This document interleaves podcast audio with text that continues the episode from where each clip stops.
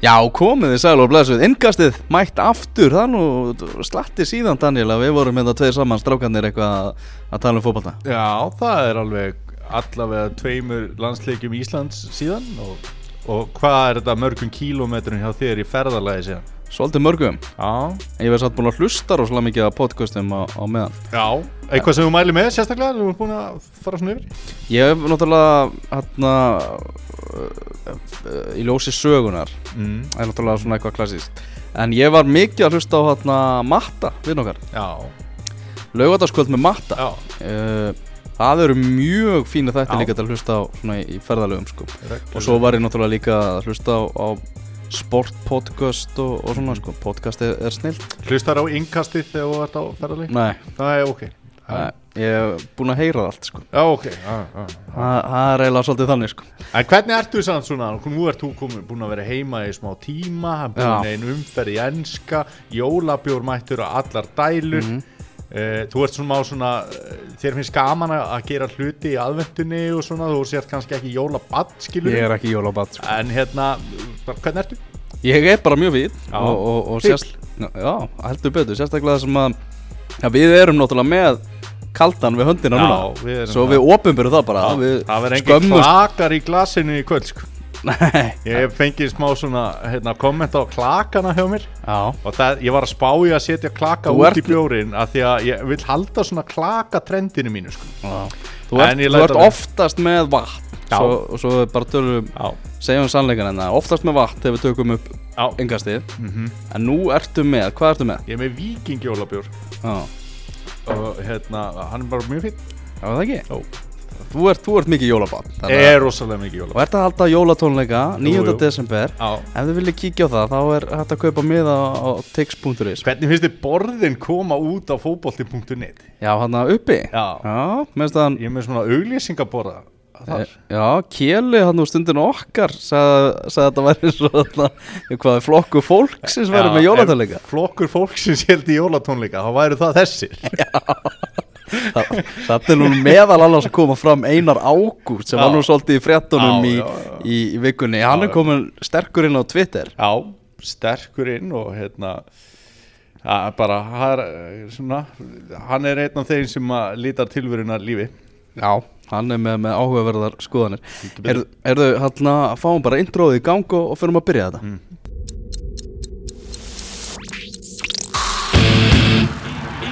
Innkastið. Fótbolti.net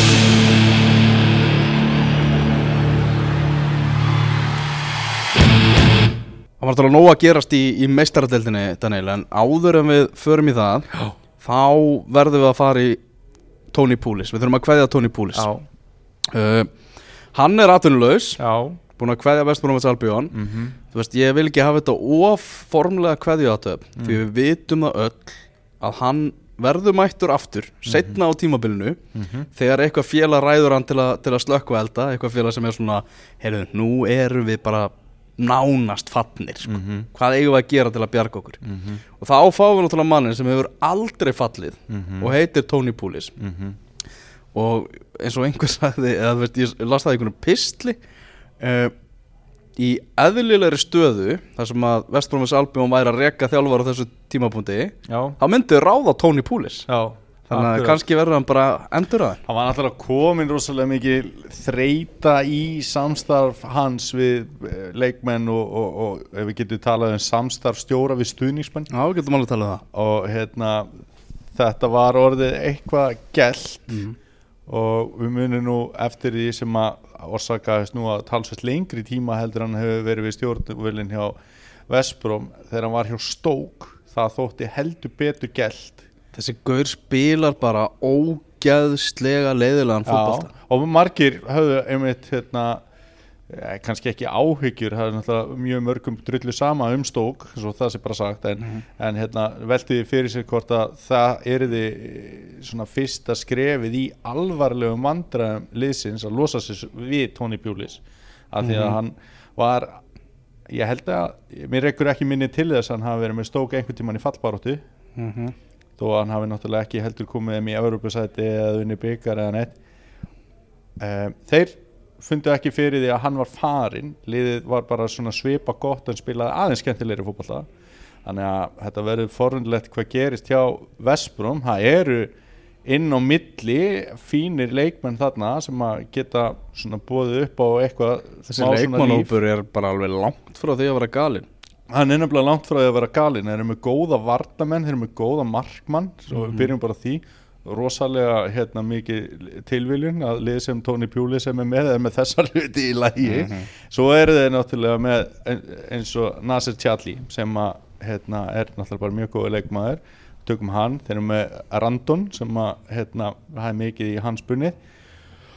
Og svo er hann komin aftur núna má segja áfullt hérna J. Rodríguez bara ef ég, svo ég taki kannski einhver úr en þá er náttúrulega hægt að taka miklu fleiri svona og þetta eru náttúrulega ekki kannski heimsmeistarar en þetta eru samt engi bjánar. Nei, nei. Uh, Tony Poulis, einhvern veginn svona tala um stuðnismenn, þeir voru eiginlega orðnir svona leiðir á þessu. Menn eru svona það er, það er mjög vægt til orða tekið. Stuðnisminn voru orðni trullu pirraðir á þessu. Já, einhvern veginn þegar liðið þetta er í vesenni þá fyrirgefur það að það komi inn þjálfari sem að spilar umulegan fótbolta en, en grandarinn úslitum uh, ég man eftir þessu bara sem stuðnismæður leiknis í breiðolti mm -hmm. þegar við fengum hérna Jesper Tollefsen Danan, það var ekki ekki sambabolti sem hann aðheldist Mm -hmm. en hann náði inn úslitum, bjargaði liðinu frá falli. Einmitt, og ég var drullu sáttur sko. en ef hann hefði síðan bara verið með okkur í ykkur móði bara og spila leiðilega fótbolta ár eftir ár eftir ár já þá fær maður leið á þessu. Ef við, ef við tökum bara hú veist, svona annað nærtækt dæmi fyrir, fyrir þig og svo nærtækt dæmi fyrir mig. Íslenska landsliðið í fótbolta Mm. það er náttúrulega ekki margir spila kaplar þar sem að maður hefur séð eitthvað svona samba bolta þó að sé reyndar alltaf mörk í því liði. Það er náttúrulega alveg magnað hvað liði skorar af mörkum þetta er nú heldur betur árangus ríkur fótbolti þó uppskriftin hafi alltaf verið að kýla fram á sterkan sender og, og, og búa svo til eitthvað úr því Mhm. þannig að hérna, en veist það er miklu meiri pælingar samt í kringum einhvern veginn taktik íslenska landsliðsins sko. ef, við, ef maður samt spáir í það hérna, það hafa mjög yðurlega verið pælingar í fótbolta sem Tony Pjúlis. Þa, það er er svoleiðis og hérna hann náttúrulega Við kallum þetta slökkvilismann Mér finnst það mjög svona skemmtilegt orð í, í, á Englandi. Er mitt Það er bara svona Já, þannig stjóri sem er slökkvilismæður mm Kallaður út þegar, þegar neyðin er sem stæst Svo Og mætir hann með, með slönguna. Svo er náttúrulega líka að því að uh, já, það er gaman að við sem að bera þetta einhvern veginn saman við Íslenska landslíð, ég ætla Mm. aðeins að halda áfram með það. Sérstaklega ljósi þess að Tony Poulis Við getum alveg kallað hann Íslands óvinn já, algjörlega Hann einhvern veginn þegar hann fa, bara, þú veist, sér íslenska leikmann mm Þá bara hleypur hann í burtu sko. Akkurat En svo er náttúrulega líka þannig að hann hefur verið orðaður við landslistjóra stöðu núna Ok Þú veist eins og til dæmis að hann gæti komið til greina hjá Wales eða eitthvað svoleiðis sko. mm. og Gaur sem að er svona ákveðin svona taktískur bara drullu fótballta þjálfari hann getur alveg náð árangri með eitthvað landslið. Mm Finnst þér ekki áhugavert að þarna, svo við svona tökum aðeins til hliðar? Finnst þér ekki áhugavert þetta með Ryan Giggs og stuðnus með Wales? Bara eitt besti leikmaður í sögu Wales mm -hmm. og þeir vil ekki sjá hann bara hörðustu stuðnus með Wales taka við landsliðinu. Af þeirri ástæðu að hann basically nefndi ekki sjálfur að spila með landsliðinu. Mm. nema að leikirnir væri eitthvað stórir Mm. og ef að Ryan Giggs myndi taka við þarna velska landsliðinu núna Mhm. þá verður hans fyrsta verkefni yrði æfingamót í Kína í mars Mhm. og það er svona svolítið kaltæðnislegt að leikmaðurinn Ryan Giggs hann myndi aldrei nenn að fara á þetta mót sko. já, já, já, já hann, myndi, hann myndi aldrei gefa kost af sér í þetta sko. þannig að svona Bretinn og, og, og Bretland segjar þannig eru menn þannig er ástriðan, menn gleym ekki sko, Nei, menn er eins og, og fýllinn sko. og það voru náttúrulega hérna, þegar Giggs var að spila ég meina, þá voru náttúrulega leikmenn eins og John Hartson og Craig Bellamy og fleiri sem að hefðu kannski geta lift þessu velska landsliði svona aðeins hærra heldur en var. Þú veist það voru oft verið að velja svona einhver draumalið leikmanna sem hafa aldrei spilað á stórmóti og Ryan Mhm. Giggs var náttúrulega alltaf þar og, og virtist einhvern veginn lítið verið að fara að breytast síðan fór eða smári svolítið að detta inn í svoleiðis draumalið sko. Mhm. en ég veit að ekki, nei, mér finnst það kannski ekkert eitthvað svakalega skrítið með Giggs sem að spái líka í það. Segjum, segjum hérna að Heimir Hallgrímsson hætti með landslið, íslenska landslið eftir HM Mm. ok, sem við náttúrulega bara vonum að gerist ekki.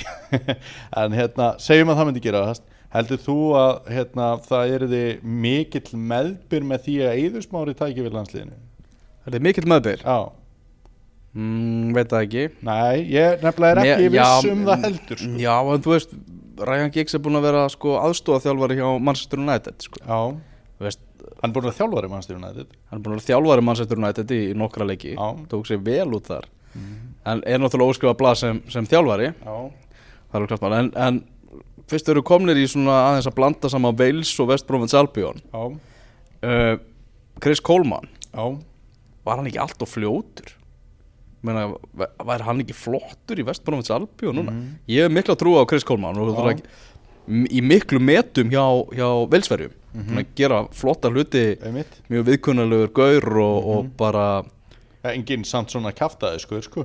nei, hann er alveg hann er, hérna, hann er smá svona harður í horn að taka þó hann sé vikunnulegur sem er besta blandan, við hljóttum að vera saman um það. Hann fer í Sönderland sem er svona þrótt bara einhvern veginn engir stjórar sem að Sönderland hefur ráðið til sín síðustu ár hafa komið vel út úr því nei, að starfa fyrir þetta félag. Nei, þeir hafa einhvern veginn allir bara sögt sér í Sönderlandinu sínu. Já, og hann væri, þú veist en ástæða fyrir því er einföld. Af hverju er hann að fara frá Wales og taka við Sönderland það heitir bara peningar. Já, bara launastruktúrin að vera þjálfari hjá Wales er bara langt frá því sem að liði í, í Premier League og, og Championship deltinn á Englandi eru með sko. ég gæti líka trúa því að það sé þykkara umslag að vera þjálfari hjá Sönderland heldur en Vestbrom þó að Vestbrom sé deilt ofar Já, en hann hefði alltaf tekið Vestbrón fram yfir sko.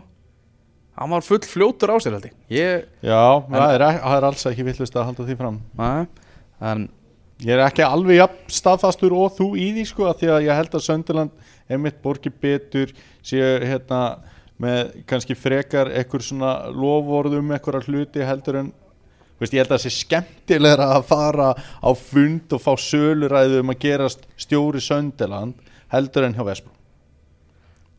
þú veit ekki hrifun á Vestbrón Jú, ég er það, en ég held að þeir séu bara minna í einhver svona bulli. Og þá er ég meira að meina að Sönderland væri líklega til þess að fylla einhvern stjóra einhverjum falsvonum heldur en nokkuð tíma ég, ég, það, það er punkturinn minn já, já, hann er að fara í svolítið svona tortímingavél nánast með að við síðustu ár. Það verður samt mjög áhugavert að sjá. Ég menn þetta er náttúrulega það er nú oft talað um að sumir svona klúpar bara með að við svona innviði og, og, og, og annað séu of litlir til þess að vera í þessari deild og þá náttúrulega er auðvelt að detta í hug Söndiland, það var auðvelt að detta í hug Newcastle þegar þeir voru niðri, það er auðvelt að detta í hug Aston Villa og Leeds og einhver svona lið sko. Þannig að maður veit það ekki, þetta verður forunilegt já. en, En það- erum við ekki sann sammála um um ég hef vel gert hjá Söndiland Jú, bara þeir eru að fá alveg, alveg geggjaðan stjóra. Já, um mitt Svona miða við stöðuna og hvernig það hefur verið hjá þeim. Já. uh, Allir Hvað, þessi ég, byrju, ég ætla að spyrja það einu. Mm. að, hérna hv- hvar sér þú Tóni Pjúlis fyrir þér við stjórnvölin í mæ? Þá bara, ég meina það sem maður á að gera þegar maður svarar þessar spurningu Það er bara að kíkja á, á töfluna Já, í ennsku úrvarsleitinni Hvar þarf svona, hvar mun þurfa að slökkva að elda? já, Uh, það er mjög góð spurning sko. Takk, Já, samdana sjálfur. Já. Þið langar að segja Swansea til dæmis. Já, ég held að þurfi mikið til að þeir skiptum stjóra. Það er sem byrja að tala um það. Já, En hins vegar þá hef ég líka talsverð að trú á þeim stjóra. Að fara þaðan og yfir í Tony Púlis ah, Það er hvernig hljómar Slökkulismæður Slökkulismæður e, Já, já, þetta er Hann, Já, hann fer í En svo eitthvað náttúrulega eins og þessi lið sem á komu upp og svona Ég meina hann geta alveg farið í það Já, já, svo kannski bara hann gæti farið í nei, hann Ég í Everton geti ráðið stjóra sem, að, sem heldur áfram að klúru öllu og, og Púlis verður sem bara mættur út sísón eða eitthvað sko. Mhm. Nei, ég trúi því ekki Nei, ég trúi því ekki að heldur. ég veit hún geti dottið í þá gildri sko.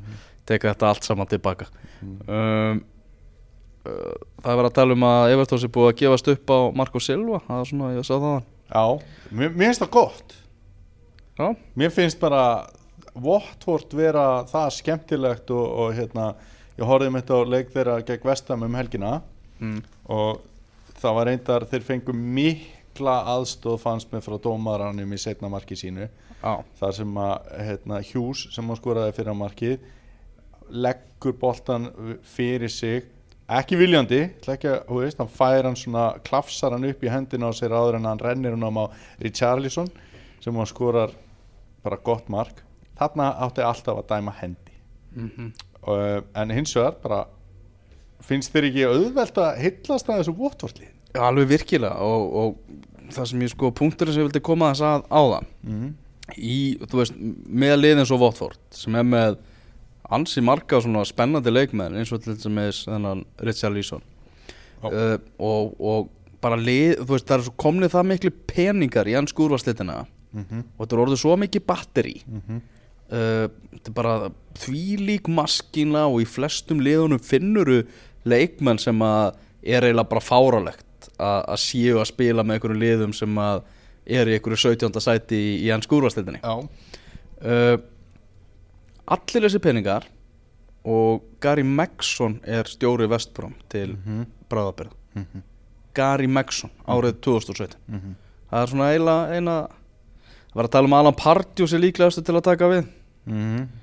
ég er ekkert allt og spenntu fyrir því en já burtu, burtu með Vestbrom við erum búin að eða allt og miklu tími að tala um það Mhm. uh, Will Hughes, þú talar um hann Mhm. það er áhugaveru leikmaður Já. það er leikmaður sem ég fylgst afskaplega lengi með Mhm. það sem ég á, á góðan vin sem er eh, Darby stuðnismæður Mhm.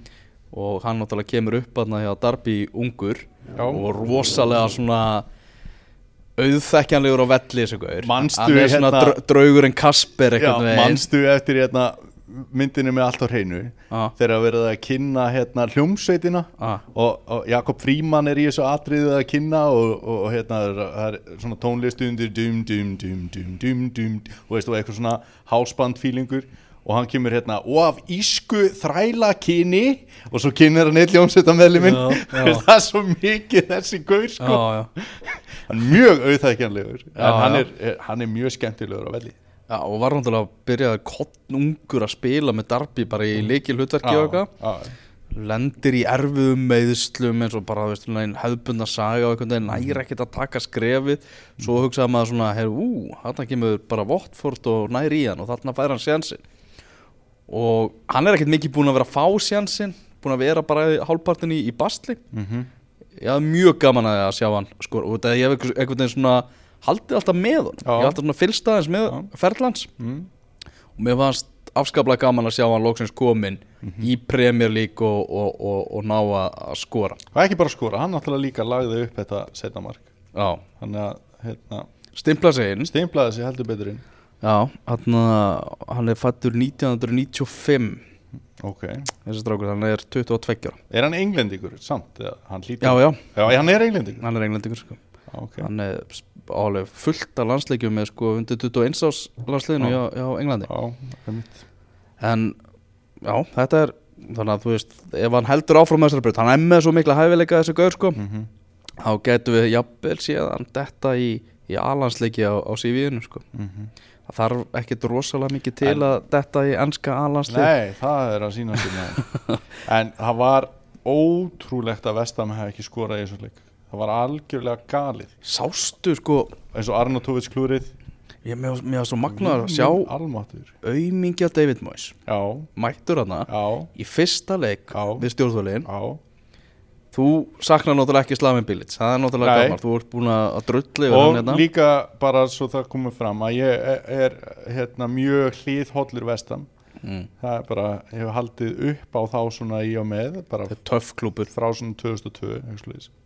Að sjá hann á hliðalínunni hann var einhvern veginn bara svona hann fekk bara heilarhristing af því að hrista hausin yfir því hvað menn voru að klúra sko. Ég nefnilega hugsaði það sem bara svona eh, smá vestam stuðningsmaður. Það, það er ekki hægt að vera fúll út í David Moyes eftir þennan leik. Nei, hann lagði leikin bara fínt upp. Og liðið bara var allt í lægi og var að skapa sér svona hitt og þetta. Og svo eru eiginlega bara einstaklingsmistök sem að ráða úslitum þannig að hvað á hann að gera í því? Það er erfitt fyrir hann að eitthvað en að ég veit það ekki. Já, Þú veist, hann náttúrulega getur gert eitthvað í því með því að taka það með sér úr þessu leiku inn í næsta verkefni og hérna, þú veist, þetta var náttúrulega ekki byggarúslita leikur sem hann var bara ráðin í að stýra. Mm þannig að já, mér finnst þetta bara mér finnst þetta annað yfirbræða að vestam í þessu leik þó að þeir hafi tapað 2-0 sko. Eitt leikur sem ég veit að þú ert búin að vera að býða mikið eftir að fá að tjáði þeim Það er viðurregn eh, Tottenham og Arsenal. Já, þar sem Arsenal vann bara sannfærandi sigur já, gegn Tottenham. Það var svona Tottenham bragur á Arsenal-liðinu. Já, það má vel að segja að það svona með að við flæðið og, og bara áræðinina og, og hérna einhvern veginn svona von í brjósti fyrir leik og, og, og hérna þá er þetta svona þetta er daldið svona leiðileg samlíking hjá þér ég skal alveg gefa þér það sko. En hérna hún er alveg sönn svona miðað við hvernig þetta hefur verið. Og uh, mér fannst þeirra bara svona stórleikja yfirvegun á Arsenal í þessu leik.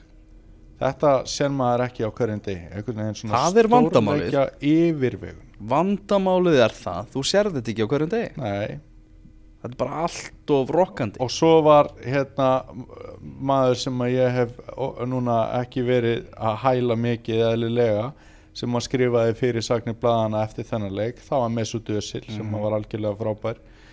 Uh, hafa skalsamt í huga að fyrra mark Arsenal verður til að því að Sanchez brýtur á Sanchez. Það er að segja miðverðu tóttinan brýtur á sóknarleikmanni Arsenal það var aldrei aukaspil það var virkilega góð tækling hjá tóttinarleikmanninum Þið Á voru svolítið með flautuleikaran í ykkar lið. Herri, ekki nóg með það, ég ætla að halda áfram bara með þessa sól. Þá fær Arsenal óverskuldaða aukaspilnu á hættulegum stað. Özil tekur frábæra aukaspilnu beint á pönnuna á Mustafi sem skallar geðveikt vel. Þetta frábær skalli hjá Mustafi sem kom nokkuð svona óvænt inn í byrjunarliði þessum leiki sjálfur sér út að hann er búin að vera svo mikið meittur stöngin inn 1-0 Mustafi var rángstæður sko. allan daginn rángstæður þannig að bæði kemur aukaspilna sem Arsenal átti ekki að fá. Rángstæður leikmaður skorar og leikurinn er náttúrulega komið í einhvers konar ójafvæði sko. uh, ég held samt bara með að við hvernig liðin mættu til leiks að þetta hefði nú kannski ekki ráði úslitum í leik en auðvitað hjálpaði þetta Arsenal og, og stórleika yfirvegunin hún var meiri eftir þetta mark. Og það var einhvern veginn bara á öllum bara við erum að fara að klára þetta. Tvent sem að var eða þrennt sem að, nei, Fært fimmt. Fimt það var augljóst ah. að Harry Kane og Dele Alli gengu ekki á öllum. Að þeir voru mittir þeir voru ekki eins og þeir eiga að sér. Um, það var líka nú ætla ég að koma með svolítið skemmtilegt hérna, fyrir, ég ætla að enda þetta, þessa pælingu með hérna, spurningu. Mm. Kristján Eriksen var afleitur í þessum leik. Já. Og hann er ekki mittur hann, hann hérna, var algjörlega afleitur var búin að vera frábær í, í, í leik Dana nokkrum dögum áður. Fór með heiminn skautum. Fóð með heiminn skautum og, og hérna síndi bara úr hverju hann er gerður. Sagan segir að eftir þann stjörnuleik þar sem að Danir treyðu sér sæti á heimsmeistaramótin í fótbolta hafi samherji Eriksen í danska landsliðinu platað hann með sér á skemmtipúp þú mátt gíska hvaða leikmaður það var. Niklas Bender. Það er rétt. Var þetta ekki hraðspurning? Þannig að Bentnerinn, hann var alveg til í að bara marka kongur í Nóri, alveg til í að fá sér nokkra svellkalda og ég held ef ég mætti velja mér eitthvað leikmann, ekki bara í danska landslinu, ég gæti alveg farið víðar til þess að fara með á djammið, þá væri það Niklas Bentner. Mm. Þannig að auðvitað skellti Var ekki Balotelli örgulega bara einu sem þú takir fram með þér? af fótboltamönnum sem er að spila í dag allavega held ég. Ah. Og hérna, Slatan fengi þriðasæti ég, ég, mér finnst samt Balotelli og Bentner vera skör ofar sko. Já, Slatan ekki kannski Zlatan er svona jam nei, félagin sko ég var kannski freka til í að- rúnda með honum austur á Jökulsálun og hann segja sögur á leiðinu og eitthvað svona bull sko. ah, en hérna, Jam, þá eru þessi tveir náttúrulega, og Bentner náttúrulega þú veist, Mm. þeir voru vist bara smölvaðir eitthvað að- að- að að fagna eftir hann leik Þannig að Eriksen var þunnur á móti Arsenal. Það er allavega svona það sem gárungarnir hafa verið að segja sko. og gárungarnir hafa nú oft rétt fyrir Já. sér. En bara ekki bara úrslitin hafi komið mörgum á óvar þannig að, að hérna, Arsenal hafi bara tekið þennan leik 2-0 heldur þá voru þeir bara miklu betri í þessu leik. Áttu bara bara áttuna og hérna, stórleika bræður hins vegar þá er tölfræði tóttinam á útivelli gegn þessum svo kölluðu stærri liðum hún er ekki góð sko. Ok. Þannig að hérna Það var gott, Twitter-grínið hjá Arsenal-stuðnismönnum hérna, með, með svo dösil þar sem var bara með svo dösil var geggjaður. Nú þarf hann bara að fara að sína þetta á móti stóru liðunum líka. Já, nákvæmlega sko. Nákvæmlega. Þannig að hérna e, já og þetta er kannski ég veit það ekki ég held að þessi leikur hafi samt sínt að svona hvað best að þetta verði tveggja hesta kapplup enska úrvastildin Heldur þú það? já ég held að þetta verði bara mannsestiliðin sko. Nei. Heldur Á ekki? ég að segja hvað það verður? já. Þetta verður Manchester City og þeir vinna með svona 15 stigamenn. Ok. Já. Þú ert alveg þar bara? Ég er bara þar. Heldur United verði ekki bara Bara- Manchester City eru bara eiðilegja þessa deild með því að vera bara allt og góðir. Já, það er eiginlega bara, bara myndmat hefur ekki að fara í meistartildina Jú, förum bara í mestarættina Heyrðu, byrjum í eriðli. Mm. uh, Sevilla Liverpool. Já, komið fréttir af því að uh, að Eduardo Berizzo þjálfari Sevilla hafi tilkynnt leikmennum það í hálfleik að hann er með krabbaminn í, í blöðruhálskirli what a moment að segja frá því sko Já, Við óskum honum að sjálfsögðu góð spata En pældi, vá maður þarna ég sá síðan eitthvað svona setnibartin í dag þá voru komin fréttir af því að hann hefði í rauninni tilkynnt þetta nokkrum dögum fyrir leikin Ok, en við látum ekki sannleikan nei. skemma fyrir góðri sögu Nei. þannig að hann hjælt þarna eldræðu í hálfleik mm Mhm. 3-0 undir Mhm. Á móti Liverpool að, og, og, og bara sagði frá þessum alvarlegu veikindum sínum Mhm. og bara, ó, bara veist, eina fegurðum fótboltans er þessi, þessi samstaða Já Sevilla koma tilbaka Mhm. 3-3 endar þetta Mhm. og þeir fagna náttúrulega bara í kringum Berizzo og, og í við upptölum voru allir leikmennir að tala afskaplega fallega um hann og sagði bara já og nú er bara spurning nú er hann að fara bara í, í ferli sem að við sjáum bara hvernig, hvernig gengur hjá honum en hann hefur fullan stuðning frá, frá félaginu og bara fótbolta heiminum að, að gangi gegnum það. Mhm. og þessi úslit náttúrulega gera það að verk, verkum að Liverpool á möguleik á því að klúðra málum. Þeir eru að fara bara í reynan úslitaleik í lokaumferðinni á Anfield á móti Spartak Moskvu það sem að uh, uh, Liverpool næri jafntefli til að koma sér að fram en uh, sigur Spartak Moskvu bara einfald að gera verkum að Spartak Moskva fer áfram. Og Liverpool situr eftir. Ef við gerum bara ráð fyrir því að Sevilla klári Maribor sem ég held að gera alltaf. Mhm. uh, ég held reyndar að Liverpool sé alltaf að fara að klára Spartak Moskvu á, á Anfield en það gaman, gaman að fá, fá spennuleiki í lokaumferð Já. en Liverpool er bara það miklu betra lið heldur Já. en Spartak Moskva sem er bara einfallega ekki sérstallið þeir eru með einn sigur úr í, í þessum fimm leikjum sem þeir hafa spilað í meistaradildinni en möguleikin er til staðar hjá Liverpool að- klúra þessu. Já. Og Alberto Moreno Já, mér langar aðeins að klúðra. Já, mér langar aðeins að koma inn á það Mm. að hann hérna skeiti í heið og, og, og kemur hérna Sevilla inn í leikin ef við getum orðað sem svo einstaklingsmistök vel, valda því ekki að þessi leikur fyrir jafntefni nei, nei. mér, veist, það er bara það er svoleiðis og mér finnst þetta vera eitthvað svona Sevilla var lungu byrjað að hóta ára þeir náðu að brjóta ísinn sko. já og mér finnst þetta miklu frekar sína bara, þá ætla ég ekki að taka það djúft í árinni og þetta sé þá svona lýsandi fyrir Liverpool liðið en allavega í þessum leik gríðarlega slagan karakter alls liðsins að glutra þessu niður frá fremsta manni til þess aftast bara heildin, þjálfarin allt þetta, það eru allir saman í því að glutra þessu niður. Vissulega náttúrulega var Moreno þar, svona manna fremstur. En þú veist það er enginn það lélugur í svona góður liði að hann upp á sitt einstæmi nema náttúrulega það bara ef hann myndi svindla myndi ná að- koma þremur mörgum í gegn sko. Þetta er svona mikið skellur fyrir Liverpool vegna, þú veist bara hvernig fyrir árið síðan náttúrulega Albert, það er magnað að Alberto Moreno sé bara ennþá í Liverpool með Já. hversu lélugur hann var á síðasta tíma uh, hann hefur aldeilis verið að fá góða hérna, umfjöllin á þessu tímabili og, bara verið flottur og, og umræðan allt henni komin um það. Bara Moreno, hann er bara orðin flottur.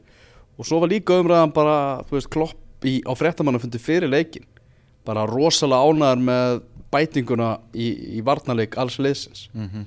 Bara þetta er alltaf allt saman á réttir leið og þannig að umræðan var bara Moreno er orðin flottur og varnarleikurinn er, er góður svo kemur þessi leikur og þetta er bara búm, Mhm. lenda á bakkinu sko. þannig að þetta er, þetta er þetta er rosalegt sko. Mhm. Karius átti eina rosa vörslu hana Hvað Eh, finnst þér um þetta markverða bíó að vera að skipta eitthvað milli, milli keppna? Er það eitthvað að hjálpa varnarleiknum að vera allt innum með nýja markmann baka sig? Uh, ég myndi allavega að halda að liði eins og Liverpool eigi ekki að gafra æfingum Já, bara svo það sé uh, sérstaklega þú veist þeir eru ekki komni með þú veist nægilega fasta rútineringu einhvern veginn á, á við, spilamennsku. við sáum þetta nú í annari Evrópukeppni á síðasta tímabili hjá sigurvegarum þeirra keppni þegar Manchester United teldi einmitt fram svona æfingakalli frekar heldur en sínum besta. Já, sko, eh, þú voru að tala um Manchester United þannig á uh, það er ekki hægt að byrja þetta svona Nei, Þa- það þarna- er ekki hægt að byrja þetta saman. þú, þú, vegna- þú, þú ert með það er- aðalmarkur argentínska landsliðsins. Einmitt. Þú veist, þarna ertu með eða einhvern veginn það er enginn að segja mér að það er enginn að setja þessa gaura í, fremstu röð. Gorki Símón og nei. leðin neð Lóris Karius. Akkurat. Og, og hérna og United var náttúrulega líka bara þeir voru langt besta liðið í þeirri Evrópakeppni í fyrra og bara kláruðu það. Uh, ég er þið hlessa ef að Liverpool er þið besta liðið í Evrópakeppninu sem þeir eru að taka þátt í núna. En þeir hafa náttúrulega áður sínt að þeir geta orðið besta liðið á sínum mómenti eins og gerðist um árið. Nei, það, þetta er bara rugl. Og mér finnst þetta líka hérna, Arsenal hefur náttúrulega gert þetta með Ospinja og Petr Cech. Mm. og þar er hann náttúrulega verið svona nokkuð svipu vandamál kannski ekki alveg af, afgerandi e, þetta ójafvæði milli sókn og varnar eins og er hjá Liverpool. Þannig að ég held að þetta sé ekki til þess að hjálpa Liverpool. Og Simon Vinjóli er betri markmaður Mm. það er mín skoðan og hún endur speklar skoðan þjóðar hún gerir það. Ef við förum í hérna verum aðeins Mohamed, Já. Mohamed Salah já. sem hefur verið stórkostlegur. Mm -hmm. og las viðtal við Jörgur Klopp þar sem hann var að spurður út í skilur bara "Ah, hvað hva var Chelsea að gera með, hana, með að láta hann gaur fara? Og Jörgur Klopp er, er gáfaða maður. Hann, hann kom svolítið svona Chelsea til varnar Mhm. í, í svona orðum sínum. Sagði frá því að þegar Mohamed Salah kemur í Chelsea þá er hann 21 árs.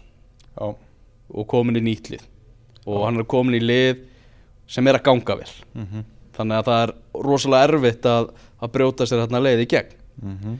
hann var ekki leikmaðurinn sem hann er í dag Nei og við getum nú tekið hérna, betri leikmann heldur en Mo Salah og sett í nákvæmlega sömu sögu sem að var að gerast eiginlega á nákvæmlega sama tíma í, til, í tilfelli Kevin De Bruyne sko. Þannig að auðvitað Ég, er fyrir utan að ég held einhvern veginn að Kevin De Bruyne hafi verið meira tilbúin þegar hann var í að Já, Chelsea ég held Ég reynda held að það hafi verið meira klúður að, Ég líka að nýta hann og- ekki meira. og líka hann er, hann er betri en Sala Já, en Sala er náttúrulega ég veit það ekki, ma maður hugsar oft svona þegar liðin í kringum liði sem maður heldur með er að fá til sín eitthvað að kalla.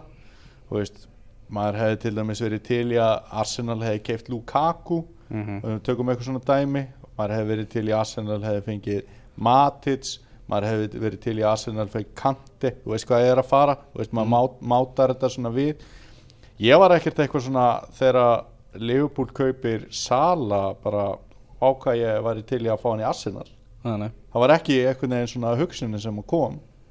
E, í dag hugsa maður vákað hefur verið gaman ef Sala hefði komið í Arsenal því að hann er allavega ég held að hann e, sé bara miklu betri heldur en flest allir byggust við og þá ætla ég að hafa kaup sko. þá ætla ég að hafa stuðningsmenn Liverpool inn í því mengi. Ég held að þeir hafa ekki búist við þessu. Á meðan maður sá kannski miklu frekar að- hérna, Saito Mane er þið svona góður eins og hann hefur verið Liverpool Mhm. það var einhvern veginn svona já, Mhm. en bara geggjaður leikmaður Sala, og hann er bara frábær, búin að vera besti leikmaður Liverpool þessu tímabili Tökum hlýðaskrif aðeins frá meistardildinni Förum yfir í, í Ómar Nýjasse mm. uh, Fyrstur í ansku úrvastildinni Fyrir að fara í leikbann fyrir dífu já, við, við fögnum því að, að þessi regla sé, sé komin upp að þetta aðhald sé komið þar sem hægt er að, að dæma menn í, í leikbann eftir á fyrir leikaraskap fyrir Já. bara að svindla fyrir að veiða, reyna að veiða dómaran í gildru. Já, uh, Roy Hodgson sagði það náttúrulega að það, að honum væri nokkund veginn sama hvort hann væri bannað eða ekki. Hann myndi ekkert bæta upp fyrir þennan vítaspindudóm úr, úr þessu 2-2 jafntefli Everton og, og Palace. Mm en Nýjase uh, svona þróunin á, á, á honum. Mhm. hann var náttúrulega eins djúft í fristikistunni hjá Everton og bara hugsast getur. Mhm. og að tala um það að hann fengi ekki sko, hann þurfti að klæða sig bara hjá unglingaliðinu og eitthvað því að það var ekki skápur fyrir hann hjá aðaliðinu uh, og, og fengi örgulega bara reikning fyrir því sem maður borðar í veist, þetta var bara, hann var komin í eitthvað svona stuðu sko. Já, svo bara stráka, við erum að fara í æfingaferð og bara hann bara, yes, nei, nei þú ert reyndar ekki að fara. Já, hann var bara eitthvað heima meðan allt liðið fór í æfingaferð og Playstation. Já, hann er komin í svona alltaf hlutverk hjá liðið sem er í, í miklu basli. Já. Er hann ekki besti kostur Everton í því að leiða sóknarlínu liðsins? sem er kannski, það er ákveðna viðvörunabjöllur sem að fylgja því Já, já, en það var náttúrulega mikið kapplagt á að reyna að bæta hérna, þetta mm. Þú veist, þeir ætluðu náttúrulega að kaupa sér hérna, fremsta mann en bara óháð því.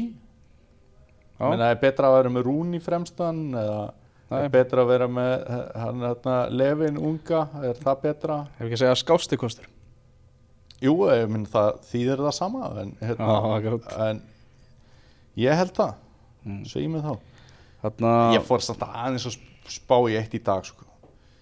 Daniel Sturridge til Everton já, Hvað, hvað heldur þú með það? bara Eitthvað sem geti aldrei gæst eða? það væri rosalega erfitt að sjá, sjá það gera sko. Já Þetta er fara er hinu með við ána bara. Þetta er svona ógeðslega hæfileika ríkur leikmaður sem að maður upplifir aðeins að þurfi að fara að komast aðeins Ef ég væri Daniel nýjan myndi ég ekki þóra því sko. Æ. Nei, Þeir eru náttúrulega, þeir sitt ekki alveg á sér í sínum yfirlýsingum hérna í Bílaborginni sko. Nei. Er það top 10 listi? Mm. uh, Tíu fyrrum leikmenn ennsku úrvalstæðarina sem við viljum fá tilbaka.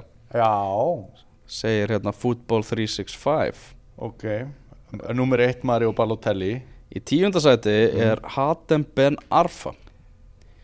Og þeir, vilja, og þeir vilja fá hann í Leicester. Þeir nefna liðin sem þeir vilja, Já, ok, ok, vil, vilja hann fara til. Og Hatem Ben Arfa er hérna, þrítur er ekkert að fá að spila hjá, hjá PSG Já, og hefur verið, verið í vesinni og uh, Þetta er ótrúlega skrítið, ég meina áður hann fyrir PSG, hérna, í hvaða liði var hann þá undan, var hann í að, hérna, hann var að spila þannig að þá var verið að tala um að hann ætti að fara í Real Madrid, veist, þetta var svona gaur sem var ekki alveg að finna sig á húl. það er svona vantar aðeins að skrúa hausinn rétt á sko. Mm það nefnilega, það er nefnilega svona ég, hann var, hjá, hann var hjá Nýs hann byrjaði samt fyrir hann hjá Líón ef að fólk bara gefur sér tíma sem er að hlusta og, og googlar nei, eða, youtubar hérna, hérna Ben Arfa Great Goal eða eitthvað slíkt sko. ég meina þá er það bara pop og kók og stórkastlega tilþrif sko. já, já. og hann og Cloud Puel þekkir hann já, frá hreðrinu í Nýs þannig að það er það er, það okay, er ég get alveg tekið undir þetta já. Ég reyndar ekki miklu að trúa því að hann myndi blómstra en hérna, hann gæti ekki það Shinji Kagawa í nýjöndasæti til Arsenal. Þegar Mesut Özil og Alexis San- Sanchez eru, eru farnir. Já, ég ætla að uh, þú ert ekki spenntur? Nei. Uh, Nei, ég bara sé þetta ekki. Í áttundasæti er Torgan Hazard til West Bromwich Albion. Ok, mm. bróðir Eden Hazard. Akkurat, akkurat Og fyrir leikmann Chelsea líka. Mm. Eden Hazard er hann svolítið að gleymast í umræðinni bara einhvern veginn svona út að við erum svo mikið að tala um City ja. ja, þú veist, þarf eitthvað að bæta við að vita að hann ekki þar Já, já, ég meina hann Já, já Bæði og sko, hann er held ég ekki Ég held að hann sé ekki komin í sitt besta stand. Að hann er meira inni þó hann sé að spila frábærlega. Í sjöundasæti á þessum lista mm. Javier Mascherano og þeir segja bara einhvert bara fá hann einhvert. Já, ég er til. Já. 33 ára gamall, þetta er svona gauður sem er bara hann lætur sér vaða í allt. Já, já. Í sjötta byrju, hvað, hva, hérna Ok, nú ætlar þú bara að, hérna edita þessa frétt og þú ætlar að setja henni í eitthvað lið? Á ég að setja Javier Mascherano eitthvað? Ah. ég veit það ekki. Everton Þeir eru reynda með Ghana og Snædilín í þessum stöðum já, Snædel í náttúrulega getur ekkert sko. en, Já, setjum hann í Evertón reyndar, reyndar er leikmann í sjötta sæti settur í Everton Eden Dzeko. Frábært, p- frábær pæling. Já, Já, ég ætla að gefa þessu stöndi tíu. Já. Hann væri, hann myndi alveg, Já, þú veist, er bara- Dzeko og Gilvi Þór Sigursson Þetta er ótrúlega skemmtilegt. Stefan Savic til Liverpool. Já, það er allavega Liverpool geti heldur betur nýtt sér Hafsend. Já, fjórðasetti Mario Balotelli! Hann var koma nokkar maður sko. En hvert heldur að, að þeir séu að senda Mario Balotelli? Þeir eru að senda Mario Balotelli í stók Þeir til Southampton. Southampton, á, Mm. ok. Lið sem að maður, maður myndi segja að, mörguleiti var að svipa um stað á stók En já. Mm -hmm. Mario Balotelli, þú veist, hann má fara bara hvert sem er sko. Já, bara kottu Já, Bara við tökum á mótið þér, sko. nákvæmlega Já. Ég get sagt þið það, ég var einu sinni með hugmynd að Mario Pal Balotelli tölvuleik og ég hafði samband við hérna, forritara og ætlaði að hérna, fá að með mér í að búa til Balotelli tölvuleik sem hérna, með öllu svona sem hann var búin að gera og eitthvað en svo var það bara dýrt að hrinda því í frangand þannig að það eiginlega dó. Það hefði verið frábært tölvuleikur. Okkur hefði ekki leiðist að spila hann. Já.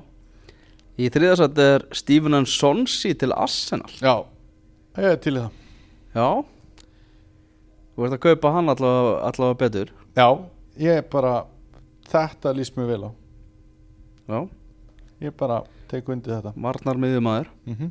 Arsenal er alveg, alveg til í að fá þannig kall til sín. hann er líka bara fínn í fótbolta sko. Hann er það. Í öðru seti er Tim Cahill til Vestham 37 ára gamall maður. Í öðru seti á listanum sko Tim Cahill var náttúrulega um tíma bara á topp 10 skemmtilegustu leikmönnum í ennsku en ég held að þetta sé nú eitthvað e, drifið áfram frekar á nostalgíu heldur en eðlilegum pælingum sko. fyrsta seti sem Fernando Torres til Southampton eða Newcastle. Já, en ég menna hvort liðið hefur efnaði að borga honum laun sko. Nei, ég er ekki sammála því. Það ekki? Nei, Newcastle geti alveg borga Fernando Torres laun. Já. Þannig að fara frá Madrid yfir í norðrið á Breitlandsi Já, það var eitthvað. Ég myndi hann ekki vilja? Hvað heldur þú? Segjum bara, herri, við ætlum að mattsa launin hjá Atletík á Madrid og þú kemur til okkar og verður bara nummer eitt. Ég veit það ekki. Nei, ég veit það ekki. Nei, ég hef að veit það ekki heyrðu þarna, vindum okkur aftur yfir í, í mestarætildina Samt svona áhugavert að þarna erum við ekki með Gareth Bale eða Cristiano Ronaldo eða eitthvað svona á þessum lista. Já, sem að hérna gerir listan bara ennþá skemmtilegri, bara mjög gott. Mm þetta er svona, það er hægt að- ræða þetta. Í mestarætildin, Ariðill uh, Manchester United uh, tapaði fyrir Basel í kvöld 1-0 ekki leit þetta vel út þetta markaða, Manchester United var uh, betra liði í fyrri hálfleik og United stuðnismenn eitthvað vola bjart sinni, bara, þetta er bara að fara detta inn.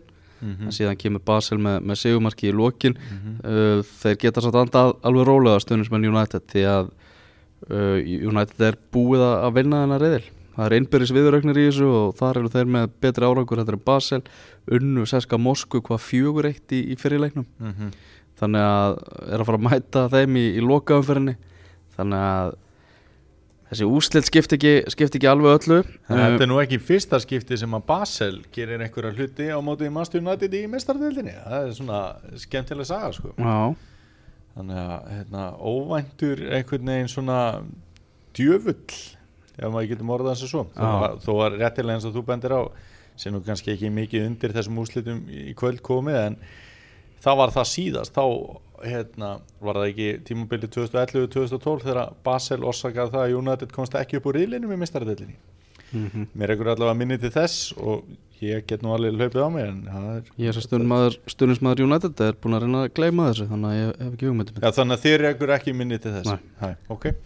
En það flottir sigur náttúrulega á móti Newcastle um, um helgin eftir að hafa lent undir hjá, hjá United Já, ótrúlega samfærandi bara samt sko. Slatan mættur aftur. Slata mættur aftur, það er náttúrulega stærstu fréttir Heldur að Slatan verði með svíum á HM næsta sumar?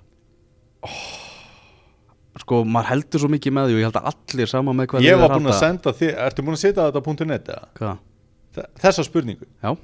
Nei, ég, nei þessi spurningu? Já, í, skoðanakönnun. Nei, Ég sendi þér þessa hugmynd á Facebook um ég rætta því, ég þessu inn. Já, endilega. Það er ekki tó seint. Ég ætla að segja Já, Ég vona það. Mm. Það er mikil von. Uh, Pól Pogba Býtu, ég ætla að senda það hérna aðeins bara Hvort heldurðu að þetta snúist frekar um það hvort að liðið og þjálfarinn vilji fá hann eða hann vilji vera Það með? snýst allt um Slatan bara ef hann vill vera með þá er hann mættur. Ég hef verið í, í, í Svíþjóð talsvert. Mm -hmm. og æðið fyrir þessu manni Mhm. er engu lægi líkt Þetta, er- þessi gaur er það mikið dýrkaður og dáður hana Mhm. að ef hann vill gera eitthvað þá er bara sagt já. En nú er samt, þú veist, þessi, þetta, þetta nýja sænska lið sem er að koma, ég meina, nýbúin að vinna stóran titil í U21 og, og tryggja sér núna með svona, nýju liði, reyndar Sebastian Lasson alltaf þarna, það er alveg magna. en ef að Slatan segir er eru- ég vil fara á HM Já, og þjálfari segir já, ég er að spáði að taka bara ekki Slatan mm, þá er hann bara búinn sko. það er bara svolítið. það er bara þannig Já, það er bara stuðnismenn svíja ef að segja bara ef að slata en ég er ekkert alltaf viss um það einhvern veginn að slata sé mikið að pæla í svona einhvern veginn svona nýbúin að vinna sig út úr ótrúlega erfiðum meðslum já. og er svona um, 20 mínútna maður í dag eða eitthvað Mér aðst samt, þú veist, Slatan var að missa titil núna. Hann var ekki valinn knaspirnumæður ásins í Svíþjóð. Já. sem að er nú frekar mikill ljóður á hans fótballtaferli því að hann hefur bara unnið þetta 11 sinnum. Þið 11 sinnum. 11 sinnum. Og bara le leikmaður krastnótar sem að, sem að tóku þetta já. uh, Pól Pogba, hann er mættur áttur og það eru rosalega góð tíðindi fyrir Manchester United. Heldur betur. Hann er svolítið maðurinn sem að lætur þetta smetla Já. hjá United. Það sem að ég lág svona besta skýringin á þessu er eitthvað neginn svo að uh, Mourinho er rosalega góður í varnarleik mm -hmm. og liðin hans eru rosalega góð í því að, að beita skyndisóknum og sækja hratt á, á, á lið uh, þegar oft í vandraðu með að svona, eða hefur verið sem hann tók við United hafa verið- vandraðu með leiki þar sem þeir eru miklu meira með boltan mm. að einhvern veginn skapa sér færi og ná að koma sér í færi. Uh, Pól Pogba er sá leikmaður sem að, sem að eh, bara getur breytt því bara sendinga geta þessa leikmanns og svona þessu svona yfirsýn og hún er náttúrulega ja, ég myndi segja bara að hún væri einstök sko. þetta er þetta er, það er magnað að fylgjast með honum mér finnst það einhvern veginn hvað maður að segja það er hérna e, þú veist, Matits hann er svolítið svona gæinn sem að smyr vélina sko. Og Lukaku er einhvern veginn svona dekkin og, og hérna og De Gea er þarna heldur betur mikilvægur í þessu, þessari, þessari, þessari bifræð svo er bara Pól Pogba gaurinn sem að keirir þetta allt í gang. Þetta hann er hann er svo mikið MVP í Manchester United að það er Engu gæti orðið jafnvel áhyggjafni og hefur kannski verið á þessu tímabili hinga til þar sem hann hefur náttúrulega vantað í mikilvæga leiki. Stökkum aðeins er reiluna björriðil, það eru bara PSG og Bayern München bara áfram. Mm Engi, engi spurning, Celtic komst 1-0 yfir á móti PSG töpu 7-1 á. í, í kvöld. Mm -hmm. og bara svolítið vandrarlegt fyrir Celtic hvað þeir eru ógeðslega lélegir það kemur í meistaradeildina já, já. Alveg taka allt með vinstri heimaferir Mm -hmm. en þarna er vesen. Chelsea búið að tryggja sig áfram í, í sériðilunum Mhm. og bara átt að það er á milli Róma og Atletico Madrid um, Já. að, um að fylgja þeim eftir. Mm Eftir við viljum Róma. Atletico Madrid vann hérna 2-0 sigur á móti að fyrir Björnmá þá viljum við, við, viljum við Róma. Já og bara aðdáðundur fallega knaspinu uh, í, í djeriðili þar er uh, var 0-0 Juventus Barcelona. Já, Barcelona komið áfram. Um, eru með 11 stig svo koma Juventus og Sporting Lissabon með, með 7 stig. Já, það er nú allar líkur að Juventus klári sig fram á þessu. Mm uh, við vorum búin að, búin að ræða klári eriðili fram á þessu, afsaki Já, íslensku kennarinn með já, já. Uh, F-riðilinn mm. Manchester City vann uh, 1-0 sigur á móti Feyenoord miklu betra liði í þessum leik. Já, voru bara með sendingaæfingu Já. Rahim Störling já Hann þetta, hættir var ekkert. hérna svo ég noti einmitt íslenskt orð úr þínum ranni. Mm. þetta var frábær klársla hjá Störling Já, þetta var það. Þetta var bara virkilega gott mark. Uh, Afleitur varnarleikur reyndar hjá Feyenoord akkurat í þessu marki sem hafði annars verið með ágætum svosum en bara Störling eh, hann er bara bara höfum að tala um Sala ég menna það er alveg hægt að tala jafn lengi um Störling en við skulum ekki gera það, höldum áfram. Mjög áhugaveru reyðil, þá Napoli er með 6 stig Sjakta Donetsk er í öðru sætinu með 9 stig. Mm Lorenzo Insigne skoraði og laði upp á móti Sjaktar Já, og þeir eru bara í hérna Napoli er í, er í möguleika því að, að fara áfram en Sjaktar er hins vegar að fara að spila heimaleika móti Manchester City í lokaumfyrinni já, og Manchester City er búið að tryggja sér sigur í riðlinum. Já. Hann er að Guardiola er að fara að kvíla menn. Já, það er mjög gardíólalegt að vera ekki með bara allt í gangi í þessu leik. Já. Hann er akkurat maður sem að kvílir þannig að það er hægt á því að Napoli sem hefur verið magnað í ítölsku deildinni bara falli út sko. Uh, í F nei þetta var F-reðilin í, í G-reðilinum það er svona smá Europa League bragur yfir, yfir þeim reðili það er Besiktas með 11 stig Porto og, og Leipzig með, með 7 fyrir loka umferðina. Það er ekki tvær vikur í þetta? Jú, það held ég. Já, og síðan er það háriðlinn þar sem að Tottenham og Real Madrid eru komin áfram og Borussia Dortmund hefur bara verið hrig, bara vandræðilega lélegt Þeir Ég var, ég var búin að segja þetta sko. þeir, þeir náðu ekki að vinna Apoel frá Nikosíu sko. mm Er Já. ekki tóttina bara að vinna þennar riðil? Jú, með þryggjast eða fórstu á, á Real fyrir lokumfyrirna það fyrir alveg óhemju flottir í, í, í að þetta er svona staðan í, í, í meistaraldeldinni mm uh, kannski með Juventus Barcelona það var Buffon mættur aftur í markið Já hann var ekki að spila með Juventus um helgina. Mm og ástafan vist bara svo að hann var bara ekki andlega tilbúin Nei, bara eftir að Ítalíu mistókst að komast á HM einmitt. Og þeir fengu það heldur betur í baki. Juventus lendi 3-0 undir á móti Sampdoria. Mm -hmm.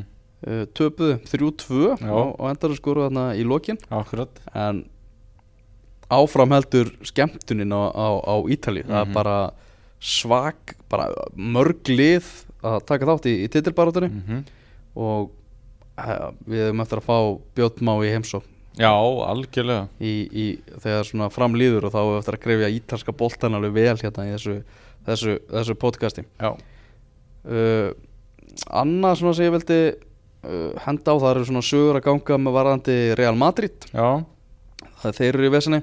Mm tíu stigum á eftir Barcelona. Já, og við erum að tala um að þessu þegar farnir að huga að, að uh, hreinsunum að Gareth Mhm. Bale sé að fara og, og þeir ætla að reyna að fá til Alli, Harry Kane og Dybala og ég veit ekki hvað og hvað.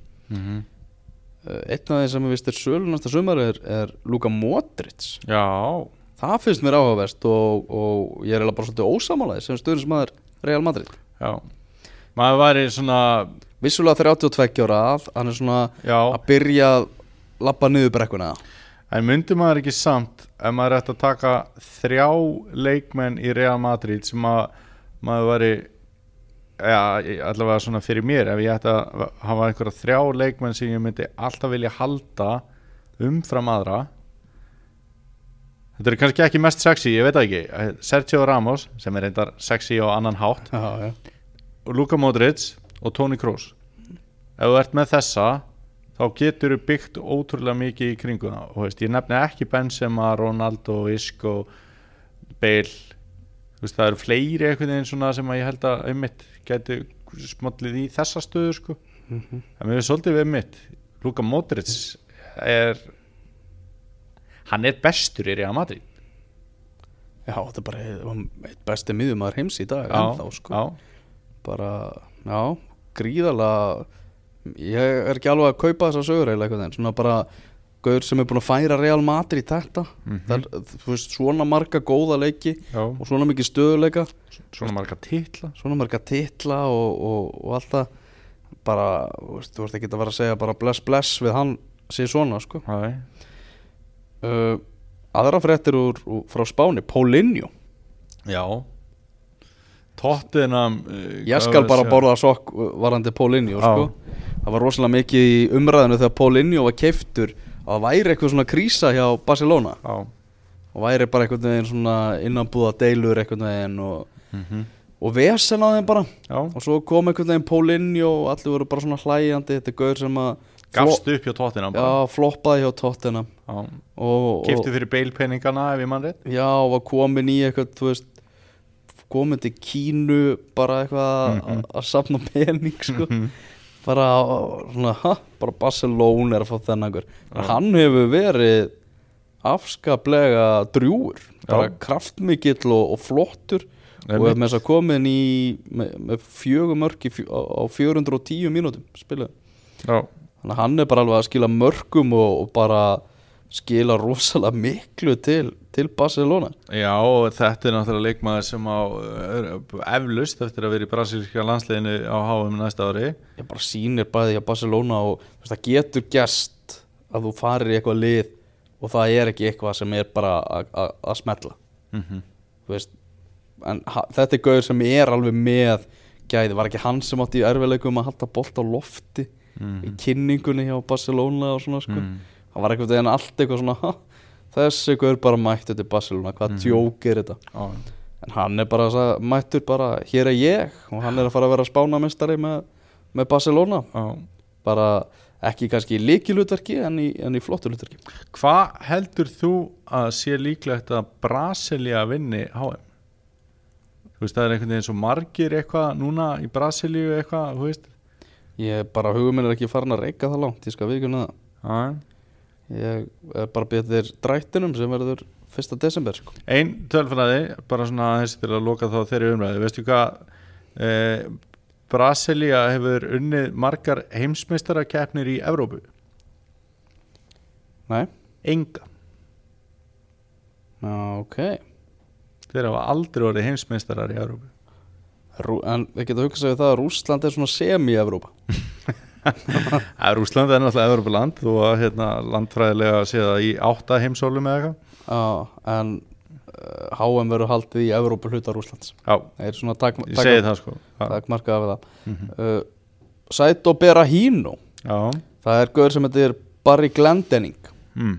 sem er kollegi okkar. Mm Hann er að stýra podcasti er með í podcasti hjá, hjá Guardian. Já, Sem það er- reynda að fara ekki alveg jafn mörg, mikið að hlustun og við en En ég, ég hlusta alltaf á, á minn mann Barry. Hann var að skrifa pistil um Berahino já, og uh, það, uh, já, byrtist á sunnudaginn. 2159 mínútur í, á fótballtafellinum síðan þessi maður, Berahino sem allir voru svo spennti fyrir skoraði mark já. og hann setti því skemmtilegt samhengi þú getur hort á hérna Beverly Hills Cop uh, fjórar Indiana Jones myndir uh, Godfather trilógíuna Ha. Toy Story Man with No Name Star Wars og, og, og allt saman og uh, hann skorar ekki á meðan bera hérna já. Hvað gerðist fyrir þannig ykkur? Þetta er bara papakassi sko, veist, veginn Þetta er bara papakassi Já, já, ég meina hvernig hann hægðaði sér náttúrulega í þessu Vespróm máli á sínu tíma og var ekki líka eitthvað hérna var ekki líka eitthvað livjavesen á honum? Og ég meina svona gerir bara að þú ert ekki með hausinn réttskur og hann á. Það eru til fullt, fullt af fótboltamönnum með hérna, minni hæfileika heldur en sem sagt af náttúrunar hendi heldur en Sæt og Ber og Híno sem að skora mörk í enn skúrastillinni Ég held að sé alveg óvægt að segja það sko. já, ég meina, það er bara svo leiðis mm hvað heldur þú að, að hérna, Peter Krauts var í góðu leikmaður eða hann hefði hæfileika að bera Híno Og hvað heldur þú að Peter Krauts væri ef hann, ef hann væri ekki fótballtamær? Reitt sveit, Það er rétt. Eða segir hann sjálfur. Já, hann og segir svo, það sjálfur. segir, svo getum við snúið þessu við líka. Hvað væri bera Híno góður eða hann hefði metnað hennast Peter Krauts Já, ég meina, þetta snýst svolítið um hausinn. Það er eiginlega bara niðurstann Ég held að þetta eru fallið lokaorð. Ég held að þetta sé bara, bara komið í landi á okkur. Við erum Mhm. komin yfir klukkutíma og, og erum, í, erum í stuði. Já, uh, Ef við ekki að fá gest næst Ef við gerum að finna eitthvað gest Jú. fyrir næ, næ, næsta engast mm ég held að það sé gráu upplagt Ef þið eru með hugmyndir þá bara hendið á okkur á, á Twitter. Við erum alltaf til í að fá, fá gott fólk til, a, til að ræða við um, um fótboll Heldur betur. Heldur betur, takk fyrir að, að hlusta fullt af flottum leikjum framundan um helgina meðal annars uh, Liverpool Chelsea mm og, og, og meiri, meiri gleði. Takk fyrir í kvöld